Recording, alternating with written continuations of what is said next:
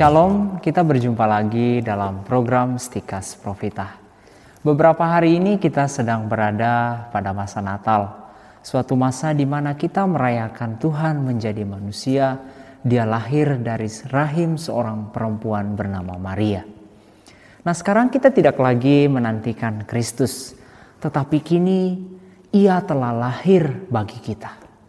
Dan kita patut bersyukur atas rahmat istimewa ini karena Tuhan kita tidak lagi jauh.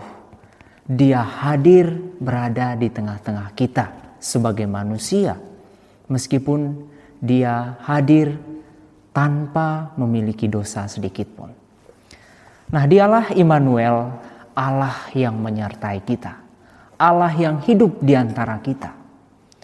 Nah Yesus yang hadir ini itu menjadi suatu kepenuhan harapan kita Ya, terutama di masa-masa sulit yang kita hadapi sekarang ini berkaitan dengan perjuangan kita menghadapi pandemi COVID-19.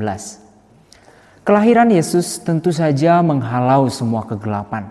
Seperti yang dikatakan Rasul Yohanes, terang itu bercahaya di dalam kegelapan dan kegelapan tidak menguasainya. Dalam Injil Yohanes bab 1 ayat 5. Ya pasti di masa masa sulit ini banyak orang berjuang ya karena semuanya serba sulit. Tetapi satu hal yang harus kita ketahui bahwa Dia Allah yang selalu ada bagi kita. Dia Allah yang beserta kita. Dan Yohanes melanjutkan demikian. Terang yang sesungguhnya yang menerangi setiap orang sedang datang ke dalam dunia. Ya, Yohanes bab 1 ayat 9. Jadi Yesus sungguh-sungguh terang. Dialah cahaya yang tidak pernah terbenam. Dan dia sekarang ini tinggal di antara kita. Menjadi salah satu dari antara kita.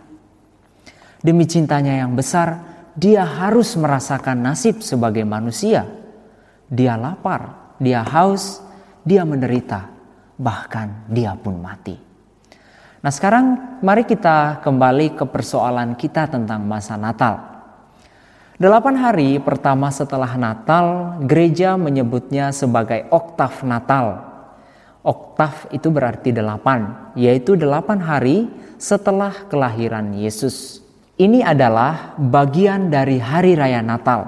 Dan sesungguhnya delapan hari ini merupakan hari raya Natal yang nanti di dalamnya termasuk pesta Santo Stefanus yang secara tradisi disebut sebagai martir pertama. Lalu nanti tahun ini ada juga pesta keluarga kudus Nazaret yang menjadi teladan hidup semua keluarga Katolik. Ketabahan mereka dalam menghadapi setiap kesulitan di saat Yesus dilahirkan, penyingkiran ke Mesir karena bayi Yesus diincar oleh Herodes patut kita teladani.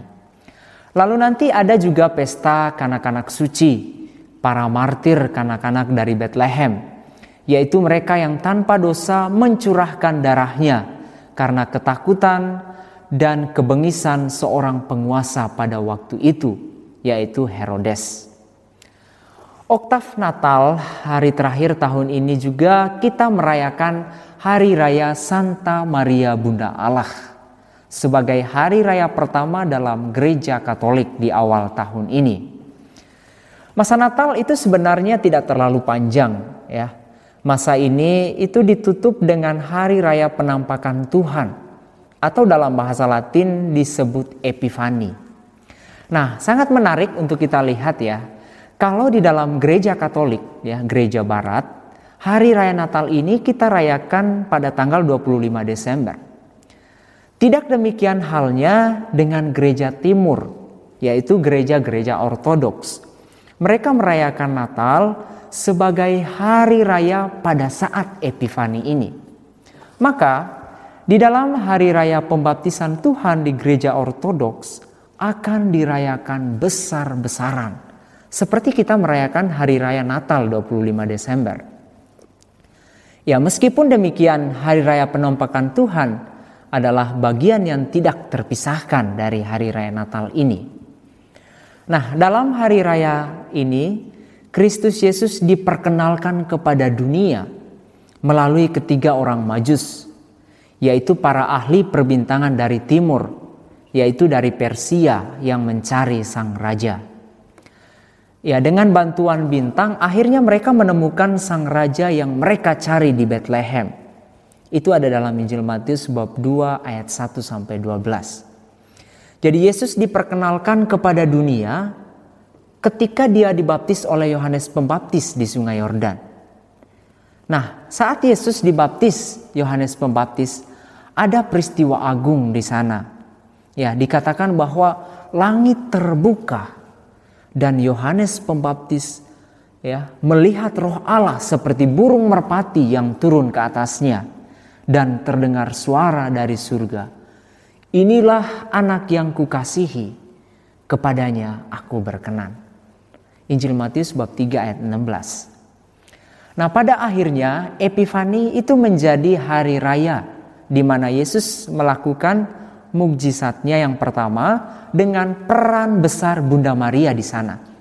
Yaitu mujizat Yesus mengubah air menjadi anggur dalam pesta perkawinan di Kana. Itu ada dalam Injil Yohanes bab 2 ayat 1 sampai 12. Nah, dikatakan oleh Yohanes pengarang Injil demikian. Dengan itu dia telah menyatakan kemuliaannya dan murid-muridnya percaya kepadanya. Yohanes bab 2 ayat 12. Nah, saudara yang terkasih, dari hari raya Natal sampai hari raya penampakan Tuhan, semuanya berkaitan dengan Tuhan yang menjadi manusia. Allah mengenakan daging seperti kita semua. Nah, bagaimana mungkin hal ini terjadi? Inilah rahasia dan kebijaksanaan Allah yang tidak dapat diselami oleh pemikiran manusia. Inilah cara Allah menyelamatkan manusia. Nah, untuk menyelamatkan manusia dari dosa, Tuhan tidak hanya bersabda atau memberikan hukumnya kepada manusia seperti kepada Musa di Gunung Sinai. Tidak. Melainkan ia sendiri mengenakan daging. Dia menjadi manusia. Itulah inkarnasi dan itulah yang kita rayakan di hari Natal dan kita ulangi terus dalam masa Natal ini. Sebagai penutup dari hal ini, saya mengutip untuk saudara sekalian kata-kata agung Rasul kesayangan Yesus, Rasul Yohanes. Pada mulanya adalah firman. Firman itu bersama-sama dengan Allah dan firman itu adalah Allah. Ia pada mulanya bersama-sama dengan Allah segala sesuatu dijadikan oleh Dia, dan tanpa Dia tidak ada sesuatu pun yang telah jadi dari segala yang telah dijadikan. Di dalam Dia ada hidup, dan hidup itu adalah terang manusia. Injil Yohanes bab 1 ayat 1 sampai 4. Semoga Kristus yang telah lahir lahir juga secara khusus dalam diri kita di rumah kita, di tempat kerja kita, di mana pun kita berada. Damai dan terang Yesus menguatkan saudara sekalian. Semoga saudara dan saudari mengenal dan mencintai kebenaran dan akhirnya diselamatkan. Tuhan memberkati. Selamat Natal, salam Profita.